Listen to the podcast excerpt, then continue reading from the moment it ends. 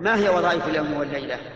وظائف اليوم والليلة أعظمها بعد الشهادتين الصلاة. الصلاة منها فرض ومنها نفل. الفرائض خمس معروفة لا تخفى على مسلم.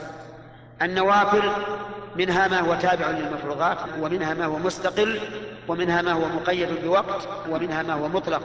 النوافل التابعة للمكتوبات هي ركعتان قبل الفجر. وأربع ركعات قبل الظهر بسلامين وركعتان بعد صلاة الظهر وركعتان بعد المغرب وركعتان بعد العشاء. وأما العصر فليس لها سنة راتبة لكن جاء في الحديث عن النبي صلى الله عليه آله وسلم رحم الله امرأ صلى قبل العصر أربعا. هناك نوافل غير تابعة للمكتوبات كالوتر.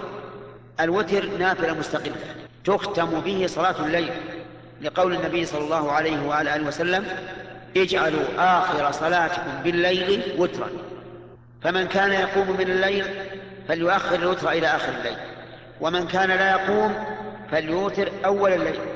ولهذا قال النبي صلى الله عليه وسلم من خاف أن لا يقوم من آخر الليل فليوتر أوله ومن طمع أن يقوم من آخره فليوتر آخره فإن صلاة آخر الليل مشهودة وذلك أفضل.